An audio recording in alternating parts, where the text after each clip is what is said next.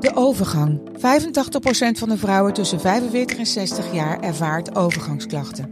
Klachten die kunnen leiden tot een verkeerde diagnose of langdurige arbeidsongeschiktheid. Wat kun je doen als je overgangsklachten ervaart? Hoe maak je dit bespreekbaar op je werk? En als jouw medewerker bij jou komt, wat kun je als werkgever dan doen? Sector Instituut Transport en Logistiek heeft een kennisplatform ontwikkeld waar jij terecht kunt voor tips en adviezen. Wil je er meer over weten? Kijk dan eens op stl.nl/slash overgang. Hey, ik snap dat je je podcast wil luisteren, dus ik zal het kort houden. Want als jij het belangrijk vindt om duurzame keuzes te maken, kan ASR misschien helpen. Nou hoor ik je denken, hoe dan? Nou, bijvoorbeeld bij het duurzaam herstellen van schade. Of de premies die we beleggen volgens ons duurzaam beleggingsbeleid. Dat bepaalt waar we wel en juist niet in investeren. Wil je meer weten over welke duurzame keuzes ASR maakt? Ga dan naar asr.nl slash duurzame keuzes. ASR doet het. Zo, dan kan je nu lekker naar je podcast luisteren. De stroom.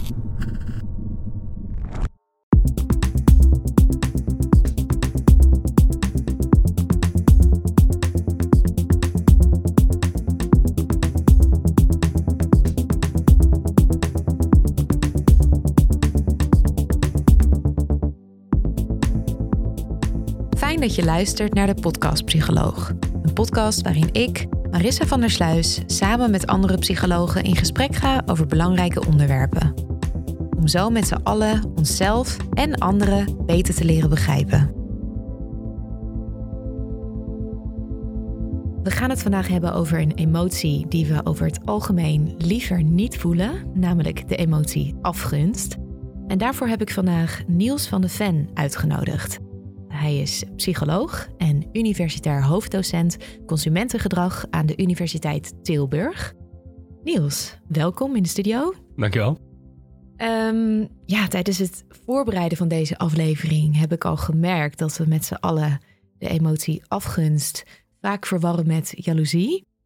Uh, dan zeggen we dat we jaloers zijn op iets wat een ander heeft en uh, wat wij niet hebben. Maar ja, wat is nu precies afgunst en wat is het verschil met jaloezie? Ja, het is het lastige dat we, dat we het woord jaloers gebruiken voor eigenlijk wat we echt, echt het romantische jaloezie hebben, maar ook vaak voor afgunst. En dus we gebruiken het woord eigenlijk verkeerd in die zin dat we als wetenschappers ze wel uit elkaar halen. Mm -hmm. Dus wat we in de wetenschap doen is eigenlijk afgunst, waar het gaat over dat iemand anders meer heeft dan jij hebt en dat je daar heel erg van baalt. En bij jaloezie is juist, ben jij degene die iets heeft, vaak een partner, en je bent bang die kwijt te raken aan een ander. Mm -hmm. Dus daarin zit zeg maar de, de, de verschillende definitie die we hebben. Uh, maar toch gebruiken we het woord jaloers vaak voor afgunst. Ja, dus jaloezie gaat dan vaak over een relatie met, met iemand die je graag wil behouden en bang bent om kwijt te raken. En afgunst gaat uh, over. Um, over van alles eigenlijk. Ja, over van alles. Daar gaan alles we natuurlijk ook, daar gaan we, dan jij hebt. Ja. Daar gaan we het in een hele aflevering uh, nog uh, over hebben. Um, ja, nog wel goed om te noemen is dat uh, we zeker nog een aflevering over, over jaloezie gaan maken. Over romantische jaloezie, zal ik het maar even noemen. Of jaloezie binnen vriendschappen, kan natuurlijk ook. Jazeker. Maar daar is zoveel over te vertellen en ook over afgunst. Dus we trekken het voor nu even uit elkaar. Ja, hoe zit het eigenlijk met jou? Heb jij wel eens last van uh, afgunst richting ja, anderen? Ook dat is natuurlijk moeilijk om, om toe te geven. Omdat afgunst toch wel echt een negatieve emotie is voor jezelf. Maar Ja, ook altijd lading negatief op kijken. Maar ja, omdat ik hier onderzoek over doe, krijg ik die vraag natuurlijk wel. dus ik heb, er- dus, dus- en daarmee laat ik er voor mezelf natuurlijk ook op. Dus ik merk het voor mezelf eh, eh, in de wetenschap. Ik merk ik- naar collega's dat ik soms wel collega's heb die echt een hele mooie publicatie, een heel mooi onderzoek hebben. Waarvan ik denk, oh, ik zou willen dat ik dat onderzoek bedacht had of dat idee bedacht had. Ehm, ik merk het soms bij kinderen. Dat, hè, mijn kinderen zijn schatjes en die doen het hartstikke goed. En, maar toch voel je af en toe de frustratie als je ziet dat een ander kind het ergens beter in doet. En dat is Oh. toch niet helemaal het echte, echte afgunst. Want ik gun het ze wel. Ik ga niks negatiefs doen naar die andere kinderen. Maar, maar er komt toch af en toe wel dat gevoel op dat je, dat Ja. je het merkt. Het is meer richting die ouders dan toch? Dat ze een beter kind geproduceerd hebben. ja. Nou ja, misschien. Ik, eh, ik- nee, maar, maar ik ben super blij met de kinderen. Maar, maar je merkt gewoon dat je dat af en toe daar wel in voelt. Eh, en ook, ik ben eh, supporter van NAC in Breda als voetbalclub. En dat gaat niet altijd even goed. En dan Uh-huh. baal je soms ook wel. Dan zie je andere clubs het beter doen. En eh daar kan toch ook af en toe wel eh, ik zou voor geen goud willen ruilen. Maar toch ontstaat er af en toe wel wat frustratie door. Oh, ja. En wat afgunst door. En waaraan voel jij de emotie afgunst? Ja, ja, daar ben ik dan denk ik wetenschappelijk genoeg in dat ik altijd meer denk dan voel. Uh, maar ja, um, gedachtes kan ook. In, gedachten merk ik het wel. Gewoon dat je het gewoon uh, oneerlijk vindt. Dat het uh, hè, een, een, een, zwaar negatief gevoel naar die ander. Dat je hoopt dat het daar ergens op misgaat. daarin, een soort visioenen van dat, het, ja, dat die ander Dat die andere club, misloopt, net als Willem II, dan misschien toch maar gaat degraderen. Daar, daar hoop je dan toch wel extra hard. Ah, ja, ja. En jij? Herken je het ook in jezelf? Um, ja, ik, pro ik, probeer er altijd op te letten. Maar ja, ik ben ook mens natuurlijk, net als iedereen. Uh, dus ik heb zeker af en toe wel eens last van afgunst. Uh, en ik merk het de laatste tijd dat ik het vooral heb als ik uh, verhalen zie, vooral op social media, van mensen die zo lekker aan het uh, zijn met campers en uh, of remote ergens aan het werk zijn en de, de halve dag surfen en de, de andere helft een beetje met hun laptop. Ik weet niet wat aan het doen zijn, maar ze verdienen daar blijkbaar ongelooflijk veel geld mee en maken van geld nog meer geld. En nou ja, en dan denk ik, hè, hoe kan dat nou? En dan voel ik soms wel zo'n steek dat ik denk, oh, ja, dat, dat wat, wat doe ik hier nog in dit? Vooral op regenachtige dagen. Ja, ik herinner me ook, zeg maar, zeker in die begintijd van corona, toen we eigenlijk niet konden of mochten of hoorden te reizen. En je zag dan toch mensen die weer op een hele mooie reis gingen ergens naartoe. Dat ik ook dacht, ja maar... Ja, maar die een soort community hadden gebouwd op een of andere tropisch eiland. Ja. En, ja. en, ik vind, en ik vind het goed van je dat je het toegeeft. Want het is natuurlijk niet iets wat mensen makkelijk toegeven. Dat ze ook afgunst uh, ervaren soms. Nee, ja. En vooral dat meer richting vreemden die ik niet ken, waarvan ik me dan afvraag waar, ja, waar ze dat dan allemaal van doen en naar verdiend hebben. Um, en uh, een vriendin van mij is op dit moment met in haar eentje met een hele grote camper naar Portugal gereden. En die houdt dat dan, nou dan kan ik een beetje met haar meekijken wat ze allemaal doet. En bij haar voel ik wel van, oh, dat zou ik ook willen kunnen of willen doen. Maar met haar geniet ik vooral mee. Uh, dus dat is ook alweer grappig. Dat, ja, dat, dan, dan buig je het in ieder geval al mooi naar iets, iets positiefs, eh, positiefs om. Uh, en ik denk dat we dan al richting het benijden komen, waar we het straks ook over gaan hebben. Oké, okay, ja, verschil tussen afgunst en benijden, daar komen we zeker nog op terug. Um, ja, want de emotie afgunst, um, ja, hoe ontstaat die emotie eigenlijk ja, zo vanaf de kindertijd? Kan je daar iets over vertellen? Ja, de kern van alle emoties is natuurlijk dat we ze voor een reden hebben. Hè? Het is, uh, mensen zien emoties vaak als iets heel irrationeels, maar ze zijn er voor een reden. Mm -hmm. Dus we worden boos omdat we iemand onze doelen blokkeert. En die boosheid helpt daar tegen in te gaan. En bij afgunst zit er heel erg die wens in dat we iets willen hebben. En juist het feit dat een ander het op dat moment heeft, maakt het zeg maar een soort van dichterbij, waardoor ja. je dat, dat, dat frustrerende gevoel versterkt wordt. En mm -hmm. dat is eigenlijk de kern van, uh, van afgunst. En wat we bij, bij kinderen zien, is die hebben natuurlijk heel erg die wens om iets te krijgen. Ja. Uh, ook weer versterkt als ze zien dat een ander het heeft. Want op het moment dat het speelgoedje gewoon uh, ergens ligt, kun je het pakken. Hè? Maar op het moment dat een ander het heeft, mm -hmm. kun je het natuurlijk niet zomaar afpakken. En ontstaat extra die frustratie en die, die afgunst. Ja. Dus oké, okay, dus alhoewel we denken dat, emo dat ja, die emoties die negatief voelen er gewoon niet moeten zijn. En dat we die moeten wegwerken um, ja, geven ze juist een soort richting en laten ze ons zien wat belangrijk is, wat we graag willen hebben. En dat ontstaat dus al in de kindertijd. Ja, en dat, dat is het interessante van die emotie. Hè? Dat, dat ook als ik naar mijn eigen kinderen kijk, die hebben ook de neiging om op alles afgunstig te zijn. Uh, wat anderen hebben. En dat komt ook omdat ze op die leeftijd nog geen onderscheid kunnen maken tussen wat wel belangrijk is en wat niet belangrijk mm -hmm. is. Hè? Voor ja. hun is echt, echt letterlijk alles belangrijk. Of ja. nou een snoepje is, of het speelgoed, of dat de andere knuffel kan. krijgt. Die, die zijn niet.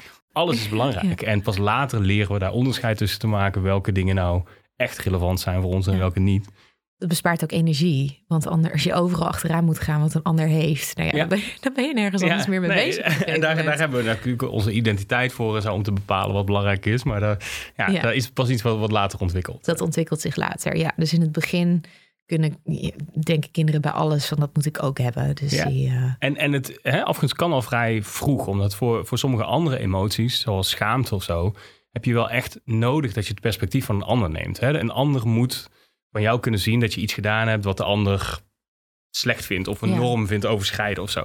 Maar bij afgunst is dat niet nodig. Alleen de wens dat je het zelf hebt en het zien dat die ander het heeft, is eigenlijk al genoeg. genoeg. Dus je hoeft nog geen perspectief te kunnen nemen. Dus het, dus het ontstaat ook al echt heel vroeg. Ja, oké. Okay.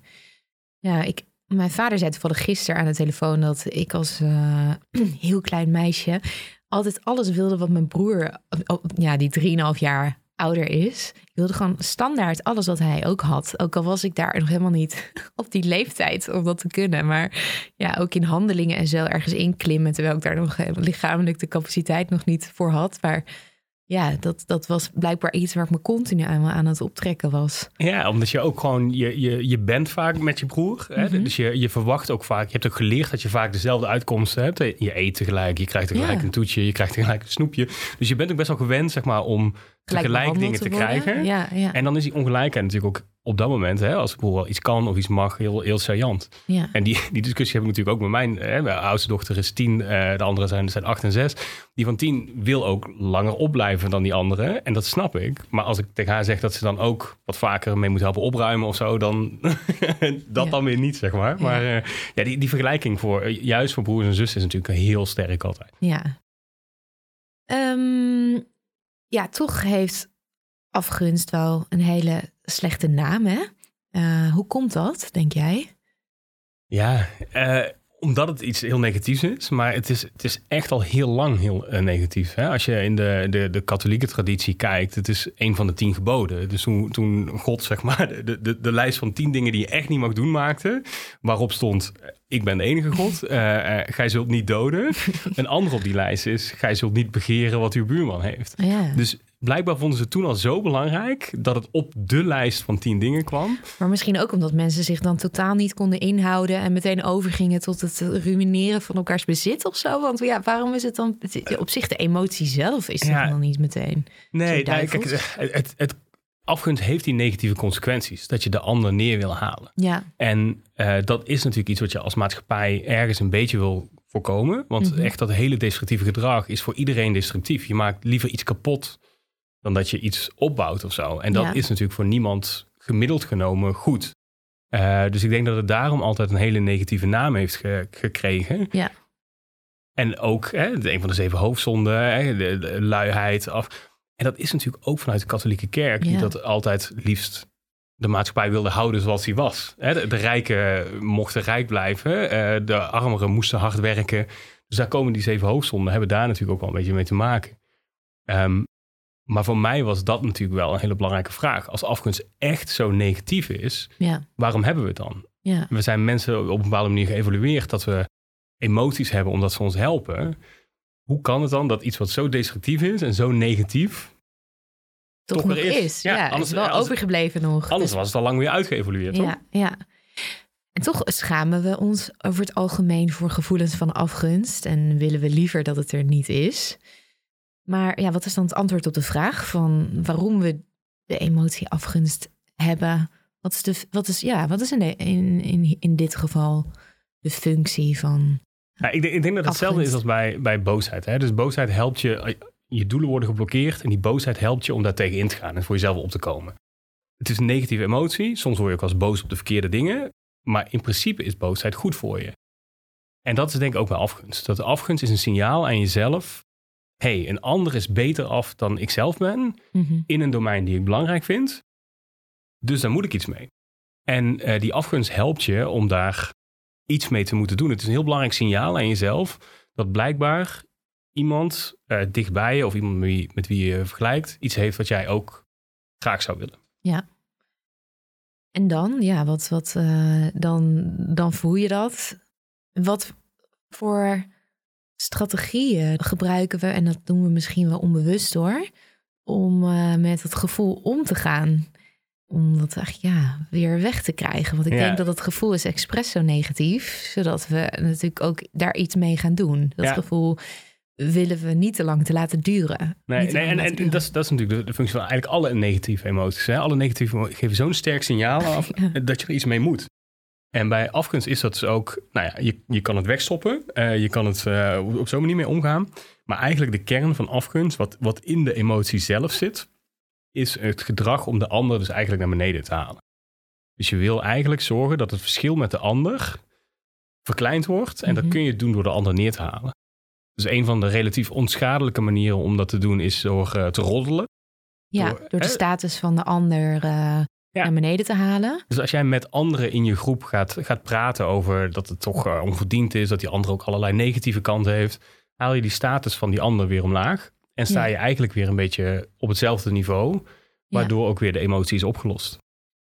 Ja, want eh, dit is natuurlijk wel een beetje de negatievere versie. Dat je dus de ander naar beneden wil halen. Want je kan ook op een negatieve manier afgunst voelen. Dat je denkt van, eh, en... Of zitten we dan alweer bij benijden? Als je, als je het je motiveert om juist zelf iets te gaan doen... waardoor je daar ook komt. Ja, Of- ja en ik denk dat, en dat is eigenlijk het eerste onderzoek wat ik, wat mezelf in dit domein getrokken heeft. Dat ik, Ja. ik was in de Verenigde Staten en ik, ik deed daar onderzoek. En ik hoorde ook mensen daar tegen elkaar zeggen, I envy you. En dat is Ja. hè, het Engels voor. Ja. En ik dacht, dat zouden we in Nederland nooit zeggen. We zouden nooit zeggen, ik ben afgunstig naar je. Nee, En toen besefte ik dus eigenlijk dat we in Nederland er twee woorden voor hebben, met afgunst en benijden, die allebei negatieve gevoelens zijn, maar wel heel anders, in ieder geval in mijn perceptie waren. En dat, dat bleek ook door het onderzoek ook zo te zijn. Dat bij afgunst ga je echt het probleem dat de ander beter af is oplossen door die ander neer te halen. En bij Mhm. benijden zit daar de, de, de motivatiecomponent in, dat je zelf juist beter je best wil gaan doen. ja. En dat is natuurlijk de, de- een andere manier om het probleem op te lossen dat een ander beter af is, door zelf ook dat niveau te halen. Ja. Oké, eh, dus ehm, is dan het eer- in eerste instantie het gevoel wel hetzelfde, dat je een soort steek voelt, maar is de reactie daarop eh, anders? Dus bij, bij het een besluit je of dat bewust is of onbewust om die ander naar beneden te halen. Dus blijf je eigenlijk passief, en, en, maar zorg je er op die manier toch voor dat jouw status daarmee relatief wordt vergroot. En bij die ander doe je daadwerkelijk iets aan eh, ja, om die afstand te overbruggen tot die ander die je eigenlijk toch be- bewondert. Want die Ja. heeft iets wat jij niet, niet hebt. Ja, maar er zit toch een belangrijk verschil in. Dus hè, als ik ook naar, naar mijn proefpersonen in, in het onderzoek vroeg... als ik bewonderen en benijden met elkaar vergelijk... dan zie je dat in de situaties van bewonderen... als mensen een situatie herinneren waarin ze iemand heel erg bewonderen... dan noemen ze vaak zeg maar, eh, iemand die op de Olympische Spelen... eh, gouden medaille won, daar heel hard voor getraind had of zo... terwijl ze zelf niet zwemmen. Nou ja, Of, hè, dus, Ja. dus er zit een, iets een wat ze soort zelf van... nooit kun- niet kunnen of nooit zullen kunnen. En eigenlijk in al die verhalen zag je dat voor bewonderen nooit een vergelijking met jezelf in zat. En bij benijden wel. Dat ging over die student die een acht haalde zonder te leren. eh, terwijl zij met heel veel moeite een zes hadden gehaald. Ja. Dus, dus, het- dat een is altijd die- studiegenoot die je kent. dus Ja. bij bewonderen zit zelden echt die vergelijking met jezelf in. Mhm. En daarom dus ook geen negatief gevoel, maar Ah. alleen maar een positief gevoel naar de ander. Ja. Bij benijden zit wel die vergelijking in. Doet toch pijn. Want jij komt niet zo goed uit de bus. En juist die Ja. pijn, zeg maar. Hè, dus wat we bij bewonderen zien, is dat dat je kan inspireren om eens opnieuw na te denken over wat jouw doelen in het leven zijn. Ja, Als ik op de Olympische Spelen iemand goud zie winnen en ik zie Pieter van de Hoogband hè, zoveel me- medailles, ik ga er niet van zwemmen. Maar ik ging wel eens nadenken van, oh, kan weet ik je, een baantje per week. er is eh, meer mogelijk. ja, er is meer mogelijk dan ik misschien denk. En, eh, Oh, zo. en dat, dus, dus daar zit, het, het denkt je een keertje na over wat je doelen zijn bij Mhm. bewonderen, maar bij benijden is het echt. In dit domein is het ander beter af dan jij. Dat geeft mij een frustratie. En daar wil ik dus beter mijn best op gaan doen. Oh ja, ja. Een ander ding wat, wat ik net merkte, wat je zei, wat ook wel interessant was, is dat afgunst een soort passief is. Hè? Dus Ja. dat je, ten eerste denk ik niet dat roddelen heel passief is. Het is een vrij, vrij Oh ja, actieve is- manier om ja, anderen naar beneden te halen. Maar ook als je in onderzoek kijkt naar wat er gebeurt. Dus, eh, dus hebben bijvoorbeeld studies gedaan waarin mensen wat, wat fiches kregen die geld waard waren. En als je dan één iemand structureel meer gaat betalen, meer van die fiches gaat geven, dan zie je dat de andere proefpersonen echt afgunstig worden. ja, want zonder reden krijgen ze die... Die, zonder reden krijgen die meer. Ja. En dan zie je dus dat die afgunstige proefpersonen zelf bereid zijn om een deel van hun fiches op te geven, die echt geld waard zijn. Als ze daarmee maar nog meer geld kunnen wegpakken of kunnen verbranden, zelfs van diegene op wie ze afgunstig zijn. Dus mensen geven bij wijze van spreken een euro zelf op om 10 euro weg te kunnen pakken, weg te kunnen verbranden. Hè? Ja. Het is niet dat zij het terugkrijgen, dus kunnen verbranden van een ander. Maar daaraan, daaraan merk je dan ook echt die kokervisie die, die mensen dan op een gegeven moment hebben op dat domein. Terwijl als ze zich misschien zouden focussen op iets anders, dan zou dat helemaal niet meer zo belangrijk zijn. Maar ze raken dus, eh, mensen raken dus door afgunst ook helemaal gefixeerd bijna op het Ja. Eh, naar, ja, actief naar beneden halen van iemand nou, en anders. je, je voelt het dus omdat je het op dat moment belangrijk vindt. Hè? En het is natuurlijk ook gewoon zo dat op het moment dat jij ziet dat een ander iets heeft, maakt het dat op een of andere manier ook ietsjes belangrijker. Omdat het ook wat mogelijker is of haalbaarder. is. Kijk, 10 Om dat ook euro is niet iets wat mensen heel belangrijk vinden. Maar als jij in, een, in, een, in ons laboratorium zit waar we onderzoek doen, En je kan fiches winnen en er wordt een soort van spel. En je kan iets winnen waar je ook je, je best voor doet. En dan zie je dat iemand anders meer wint. Mhm. Ja, dan wordt het toch in één keer een stukje belangrijker. Ja, Terwijl als je dan er wat het helemaal binnen handbereik. ja, hè, Ja. We, we kunnen ons vaak moeilijk voorstellen dat in situaties zonder emoties, hoe wij zouden reageren in de situatie met emoties. Ja, ja. Maar ehm, ja, En hoe uitzicht dat dan eh, ja, in onze maatschappij? Dat we ook zo actief kunnen reageren op die emotie afgunst. Wat, wat zie jij? nou, de, de, de- er zijn wel eens wat sociologen geweest die ook wel gefilosofeerd hebben dat, dat een stuk van eh, eh, zware discriminatie, misschien zelfs stukken in de Tweede Wereldoorlog, uit een soort van afgunst voortkomen. Hè, de, de, Ah, ja. de reacties naar de, naar de Joden in, in West-Europa. Maar ook de, in Ja. Indonesië, waar Chinese immigranten komen die heel succesvol zijn, winkels beginnen. En daar, dat roept ook een bepaalde vrevel op. Het zijn nieuwkomers, relatieve nieuwkomers, die heel succesvol zijn, wat Ja. ook afgunst kan oproepen.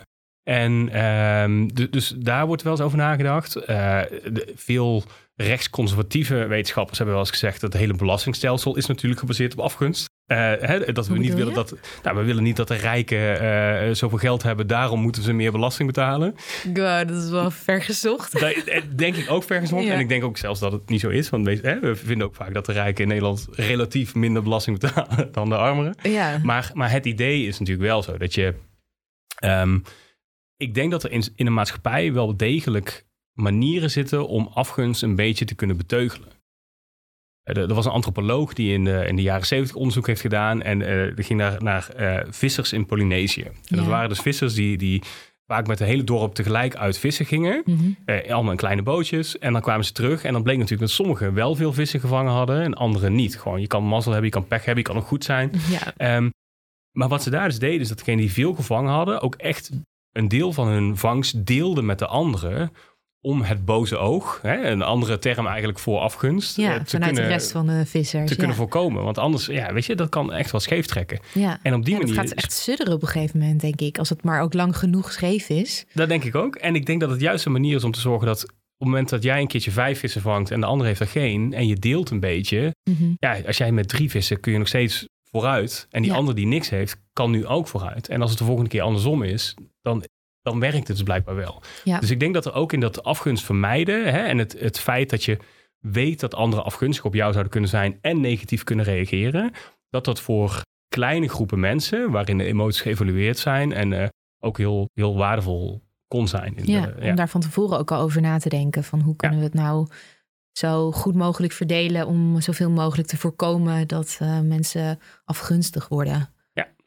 Ehm, ja, en wat maakt nou dat je soms misschien wat gevoeliger bent voor het voelen van afgunst en ja, dat je op bepaalde momenten daar eigenlijk helemaal geen last van hebt? Ja, ja, het zit denk ik in twee dingen. Eén ding kan uit je persoonlijkheid een beetje komen. Eh, en een ander ding, en ik denk dat dat, dat voor mij de meest interessante is, en de, is, er zitten natuurlijk dingen in de situatie wanneer het meer ontstaat. Ja. En eigenlijk een van de belangrijkste dingen is op het moment dat de ander meer is zoals jij bent, meer op jou lijkt, wordt die emotie een stuk sterker. Omdat je veel meer het gevoel hebt, dat had ik kunnen zijn. ja, ja, ja. En dus hoe meer je het gevoel hebt dat dat ik kunnen zijn, hoe meer eh, afgunst of benijden kan ontstaan. En dat, het, het is die, die oude buurjongen of oude buurmeisje die nu zeg maar eh, een, een, een hele mooie functie heeft, een mooi idee heeft, een mooi ding doet. Ja. Die roept veel meer op dan iemand uit een heel ander plek in het land of van een andere leeftijd of dat soort dingen. Want daar kun je je veel moeilijker mee vergelijken. Ja, die heeft een die heel andere achtergrond. En dan verwacht je ook niet van jezelf dat je dat had kunnen behalen. Ja. Eh, en eh, persoonlijkheid, wat, eh, wat voor persoonlijkheid? Ja, Wat- nou, wat, een, een van de dingen die we weten is dat, dat mensen met een laag zelfvertrouwen sneller afgunst benijden voelen. Ja. Ehm, ik denk dat dat er ook mee te maken heeft dat ze sneller zichzelf opwaarts vergelijken. Dat ze al snel denken dat een ander beter af is dan zij, omdat ze een wat lager zelfbeeld hebben of dat soort dingen. Dus we weten dat die, eh, die zaken wel meespelen. dat is meer, eh, dat kan ook natuurlijk situationeel zijn, je zelfbeeld. Want die, nou die ehm, fluctueert natuurlijk ook afhankelijk Ja. van wat je meemaakt in je leven en wat Ja. voor fase je zit. En, eh, Ja, en ik denk, denk ook dat in, ja. in bepaalde nieuwe, nieuwe situaties, nieuwe domeinen waar je nog wat onzeker bent over jezelf, over wat je positie in een groep is, dat het ook sterker kan spelen. Ja, dus dat is een goed punt. Ja. ja, want ik denk wel dat iedereen wel eens periodes ervaart waarin ja, je eigen leven dan even niet zo soepel verloopt. En dat je gewoon niet zo tevreden bent over hoe je dingen aanpakt. Dat je dan soms ook wel minder blijdschap kan voelen bij de vreugde van iemand anders. Ik weet niet of jij dat ook herkent. Ja, dat, denk ik. Ik denk dat dat ook dus precies is wat die kern eigenlijk van afgunst en benijden is. Hè? Dat, dat je, uh, het is een soort monitor van je status. En op het moment dat je voelt dat die dus een beetje bedreigd wordt. Hè, en je, je status bedreigt is een groot woord. Ja. Want het, het, status gaat niet alleen altijd om rijkdom. Een spiegel of, zo voor jezelf. Het, het, als jij ontevreden bent over jouw identiteit, over wat jij op dat moment toevoegt aan jezelf, aan je groep, aan eh, dan, dan, ja. ja. dan is het iets meer een bedreiging, ook als anderen dan wel succesvol zijn. ja, ja, je wordt er in ieder geval meer mee geconfronteerd. Ja. En uh, dan, dan ga je er dus ook meer over nadenken wat je, wat je ermee aan moet. En vroeger ook, hè, in die tijd dat die emoties ontstonden, was het natuurlijk ook heel belangrijk om in je groep een bepaalde relatieve status te hebben. Dat als jij in een groep niet bij de betere hoorde, ja, dan maakt hij ook minder aanspraak op alle, nou, al het eten wat verdeeld ging worden, alle eh, partners die je kon krijgen. Alle, die relatieve status is nou eenmaal heel belangrijk. Ja, en ergens nog steeds wel, denk ik. En, en het komt ook steeds meer terug in. Uh ja, sociale media. We zijn zo bezig met vergelijken en soms ook onbewust. Daar gaan we trouwens nog uh, uitgebreid uh, over hebben uh, in een extra gesprek voor de Podcast Psycholoog Club voor de leden. Maar eerst vroeg ik me nog wat anders af. Um, welke factoren maken nou dat we afgunst voelen of eerder benijden? Bijvoorbeeld zoals ik heb met die vriendin die nu met de camper aan het rondreizen is.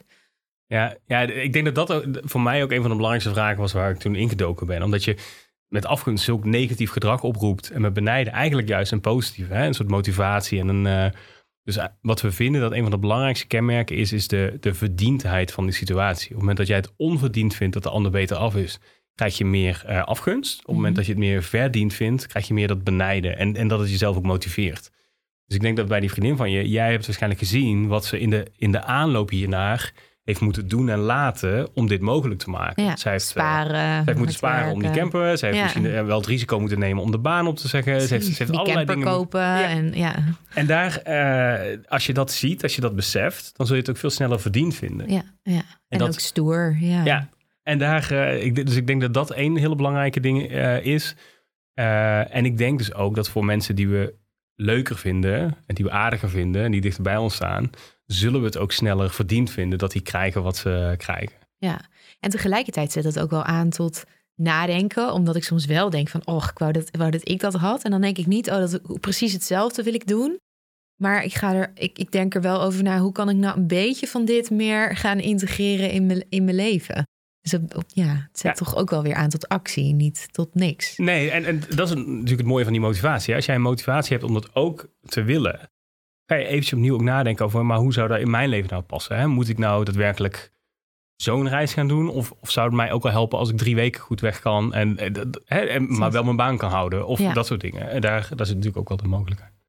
Ja, want dan komen we eigenlijk al een beetje meer richting het positievere. Dus uh, hoe kunnen we afgunst dan ombuigen dat het meer benijden wordt? Um, en je zegt dus al van ja, naar je eigen leven kijken en daar eens kijken of je dat precies zo wil. Of ja, op een andere manier kan invullen. Nou, en, en daar zit natuurlijk vaak die moeilijkheid. Hè? Dat op het moment dat je die vergelijking echt gaat maken. Want als ik nadenk over hoe je, snel je iets onverdiend vindt, dat gebeurt natuurlijk heel snel. Als ik aan mijn studenten vraag, als ze een groepsopdracht hebben. En ik vraag ze hoeveel procent van het werk ze allemaal gedaan hebben. Kom ik boven de 100% uit. Iedereen denkt dat ze bovengemiddeld veel gedaan hebben. Ja. Over het algemeen, hè, 90% eh, van de mensen vindt dat ze beter kunnen autorijden dan gemiddeld. Dat geeft oh, natuurlijk een probleem voor afgunst. Als iedereen vindt dat ze meer recht hebben op iets dan een ander, dan zullen we ook altijd wel wat afgunst blijven houden. En zullen we ook altijd namelijk het onverdiend blijven vinden. Dus ik denk dat een van de dingen die we moeten beseffen is dat we af en toe iets vaker het perspectief van die ander moeten nemen. Die collega die er een fantastisch idee heeft. En nadenken van, nou ja, maar wat, wat heeft die persoon... Wat offert die, die persoon ook allemaal voor op? En, en die, om aan dit ene hele mooie project te werken... Ja. heeft hij zoveel tijd besteed dat ik bijvoorbeeld aan die twee, drie andere projecten heb kunnen werken... waarmee ik ook iets leuks heb kunnen doen. Of waarmee ik... En dat, dat vergeet je vaak. Je focus je alleen maar op dat ene wat het oproept. Uh, maar door je daar iets meer van te beseffen... kun je ook die afgunst dus een beetje weer ombuigen... Mhm. naar dat positievere benijden. Ja, Want ik denk dat als je afgunst voelt, krijg je misschien, wat ik net ook al zei, een bepaalde kokervisie. Waarin je alleen nog maar die positieve uitkomst ziet. Maar niet al dat werk wat er aan vooraf is gegaan, waar jij misschien ook helemaal geen zin in hebt. Misschien heb je helemaal geen zin. Als ik even kijk naar die, die collega's van jou die misschien de hele tijd aan het publiceren zijn. Ja, je kan je ook afvragen wat voor leven ja. die hebben toch? Ja, jij, ja. Hebt toch, jij denkt misschien, ik wil ook wel tijd met mijn kinderen doorbrengen. en die kunnen dat helemaal niet. Door je dat te beseffen, dat dat allemaal wat genuanceerder ligt uh, dan je oorspronkelijk dacht. Ja. gaat die afgunst misschien ook al wel wat Ja, nee, en een ander voorbeeld voor mij is dan, hè, als ik kijk naar uh, en bij NAC Breda, het gaat ze allemaal niet goed met voetballen. En dan, dan, baal je van zo'n club als AZ, die maar een beetje, hè, Alkmaar, een beetje suffe supporters heeft, maar wel een professionele jeugdopleiding heeft. Allemaal goede... Kijk uit wat je zegt, hè? En, nee, precies. Maar, maar, en, en dat zou ik heel graag willen. Maar ik zou daar niet onze, zeg maar, houtje touwtje clubcultuur voor willen opgeven. Want dat is, dat is juist wat, zeg maar, ons zo uniek maakt en wat het zo leuk maakt. Dus, dus daar zit gewoon heel erg, je, je focus je op één aspect en daar mhm. maak je die vergelijking op. Maar je vergeet vaak dat daar heel veel andere dingen aan hangen die je wel heel erg waardeert. Of dat soort dingen. Hè? En die je niet zou willen loslaten per se. Dus, en dat is denk ik ook weer het stukje van emoties. Dat ze, de emotie zelf is iets wat je heel erg helpt. Mhm. Maar de emotie kan wel door verkeerde dingen getriggerd worden. Net zoals je boosheid. Je kan boos worden op de verkeerde dingen. En uh, dat, dat geldt natuurlijk ook voor afgunst en benijden. Ja, en dat is misschien nog wel een, een toevoeging hierop. Dat um, ik, ik denk wat, we, wat er vaak gebeurt op het moment dat je afgunst voelt, is dat je er een beetje voor schaamt. Je voelt je misschien schuldig, omdat het iemand is uit jouw omgeving. En dan ga je het wegdrukken of negeren. Ja, want ik, ik denk ook als we aan heel veel van, van de luisteraars hier vragen. Heel veel mensen zullen zeggen dat ze geen afgunst ervaren. omdat het zo moeilijk is voor jezelf om het toe te geven dat je het voelt. Hè? En iemand die je misschien wel gewoon heel leuk vindt. En... Ja, en, en, en, en, en ik denk ook dat veel mensen het genoeg wegdrukken dat ze niet dat hele negatieve roddelen gaan doen of dat soort dingen. Hè? Maar het helemaal ontkennen dat je het. Je verliest ook dat belangrijke signaal. Ja. Dus ja. afgunst zorgt, geeft ook aan jezelf aan dat je blijkbaar echt heel belangrijk vindt wat de ander heeft. En dus kun je er iets van leren. Ja. Plus, als ik even kijk naar emoties in het algemeen en het onderdrukken van emoties in het algemeen, we weten wel van emoties dat hoe, hoe, harder je, dat kan ook onbewust zijn, hoe harder je probeert die emoties te verdringen of te ontkennen of weg te drukken, hoe harder ze over het, over het algemeen terugkomen. Hè? Dat uh, boomerang effect uh, wordt dat ook wel eens genoemd. Ja, het is precies iets waar, waar, we nu onderzoek naar aan het doen zijn. En we zien ook inderdaad dat mensen, als we ze de keuze geven van hey, als jij afgunst ervaart, hoe ga je ermee om? Hè? Geef mhm. je in aan die emotie, dat je dus de, de, de actieneigingen als het roddelen gaat doen? Ga je het onderdrukken of ga je het proberen te reguleren? Dus bijvoorbeeld dat, dat omzetten naar, eh, naar benijden. Dan zie je dat mensen het allemaal willen onderdrukken. En nog veel meer dan andere negatieve emoties. En ik, ik denk dat je daarmee dat belangrijke signaal juist verliest. Terwijl je die personen nog een keer gaat tegenkomen. Dus je dat reguleren of zo is eigenlijk veel beter. Ja, en dat reguleren zou er dan uit kunnen bestaan dat je het eerst bij jezelf signaleert van nee, ik voel iets, ik voel die, hè, dat kan ook echt lichamelijk zijn. Ik merk het wel lichamelijk dat je echt een soort steek kan voelen en bepaalde gedachten kan hebben. Je merkt ook, ik ben ineens een beetje negatief over die ander aan het denken. Of ik ben iemand een beetje naar beneden aan het halen in gesprekken met anderen. Volgens mij uh, voel ik wat afgunst. Uh, en dat je dat eventueel opschrijft van ja, wat, wat, wat voel ik dan precies? Wat, wil ik dan eigenlijk? Wat heb ik niet wat die ander wel heeft? Ja. En door het misschien op te schrijven, realiseer je misschien ook dat je dat helemaal niet per se één op één wil. Ja, of dat het wel verdiend is dat de ander heeft wat hij heeft. Precies. En als jij dat wil hebben, ja, dus je eventueel kan bedenken welk aspect zou jij zelf willen hebben en hoe kan je daar concrete doelen aan koppelen ja. om daar te komen? Ja, ik denk dat het een hele mooie is. Dat, want ik weet zeker, als je aan, als je aan mij ook zou vragen wat ik belangrijk vind in mijn leven, of in het leven, of in, hè, dan zeg ik dat, uh, dat er wereldvrede is, dat er geen honger is op de wereld en dat soort dingen. Maar als je kijkt waar ik afgunst op of benijden op voel, ja, dan, dan is het bijvoorbeeld bij, bij mijn kinderen. Dan is het bijvoorbeeld op mijn werk, op die goede ideeën van die collega. En dat zijn, als ik eerlijk ben, zijn dat daadwerkelijk de dingen die belangrijker in mijn mm. leven zijn dan dat ik, hè, ik, ik, ik help graag om de wereldhonger te voorkomen, maar eigenlijk doe ik er, als ik heel eerlijk ben, niet zo heel veel aan. Maar mijn kinderen, dat werk, daar wel. Ja, dus en dat hangt ook veel meer binnen je eigen invloed, uh, sfeer van invloed, zeg maar. En daar, en daar is dus denk ik echt wel een belangrijk signaal voor je. Ja, dus niet, niet negeren, niet onderdrukken, maar gewoon de ruimte geven en kijken wat je ermee eh, zou kunnen doen. De, de actieneiging, het, het hele negatieve gedrag van afgunst, het, het verbranden van het geld van een ander en het zware roddelen, Ja, die nee. kan soms goed zijn om dat wel een beetje te onderdrukken. Precies, maar je hebt het verschil tussen gevoel en erop reageren. Precies. Ja, hoewel als emotieonderzoeker, hè, eh, Ja? die actieneigingen eh, Ja, die horen neigingen. bij een emotie. Ja, hè? Dus de, de boosheid en, en wat eruit komt aan gedrag, is eigenlijk hè, bij, bij, bij verdriet, eh, tranen laten, die dingen horen er eigenlijk eenmaal Ja. bij. Wil niet zeggen dat je ze niet kan ombuigen natuurlijk. En dat, dat lijkt me bij afgunst wel een goeie. Ja, want je hebt er nog wel het verschil tussen een neiging en het daadwerkelijk doen. Ja. En daartussen zit misschien ruimte. En je kan ook trainen om daar meer ruimte tussen te, Ja. te, te maken. Ik had zelf nog eh, twee eh, dingen gevonden die je misschien als luisteraar ook zou kunnen proberen als je ja, wel vaker last hebt van afgunst en daar ja, niet zo blij mee bent. Nou, ga, ik ben ook benieuwd, want eh, Ja. ook voor wetenschappers is het interessant natuurlijk. Ja, nou, dit komt dus uit de eh, meditatiehoek. Ehm, en het komt uit de mudita-meditatie, om precies te zijn. En het is een oefening als tegengif bedoeld eh, voor afgunst. Om jezelf te trainen om juist een soort medevreugde te voelen bij het voorspoed of bij het geluk van anderen. In plaats van dat je daar afgunst bij ervaart. Het kan natuurlijk ook zijn dat je standaard schiet in de afgunst. En hiermee train je dus een beetje het omgekeerde. En wat je dan kan doen is ehm, dat je je ogen dicht doet en je visualiseert dat er iemand op nou, een bepaalde gepaste afstand van jou in de kamer staat en dat je daar naar kijkt. Nog even een zijpaadje. Ik vind visualisatie dus altijd een hele krachtige oefening, omdat het ook dezelfde hersengebieden actief maakt als het daadwerkelijk meemaken. Dus je oefent als het ware alweer je, je gedrag. En eh, ja, dan kan je het best een persoon kiezen waar je wel lichte irritatie bij voelt. Niet meteen, meteen een persoon waarmee je het allermeeste afgunst voelt. En nou ja, dat kan ook een persoon zijn die je niet zo heel goed kent. En die persoon staat dan voor alle situaties en alle personen waarbij je afgunst voelt. Nou, En dan ga kijk je naar die persoon en dan zeg je tegen die persoon: Ik gun jou echt vreugde in je leven. Ik ben echt blij voor je en ik hoop dat er nog meer mooie dingen op jouw pad komen. Dan kijk je gewoon hoe dat voelt. Het hoeft niet meteen goed te voelen. Ook als dat eh, helemaal niet werkt, is dat niet erg. Dan eh, betekent het dat je misschien nog wat meer moet gaan oefenen. Dus zo kun je proberen om, ehm, ja, om, om echt naar iemand te kijken en het gevoel van afgunst wat meer los te laten. Ja, ik vind het mooi, want ik, ik denk ook dat het ook bijdraagt aan een soort van de acceptatie van ongelijkheid. Omdat met iedereen kun je altijd vergelijken. En Ja. waar jij dan net iets beter bent in dat, de ander is weer net iets beter in iets anders en zo. Er is altijd ongelijkheid om ons heen. Eh, en daar, ja. een acceptatie daarvan is denk ik alleen maar goed. En nog een andere, die, ehm, een andere tip die misschien ook zou kunnen werken, is dat je in het dagelijks leven eh, de vreugde van anderen wat meer zou kunnen eh, opmerken.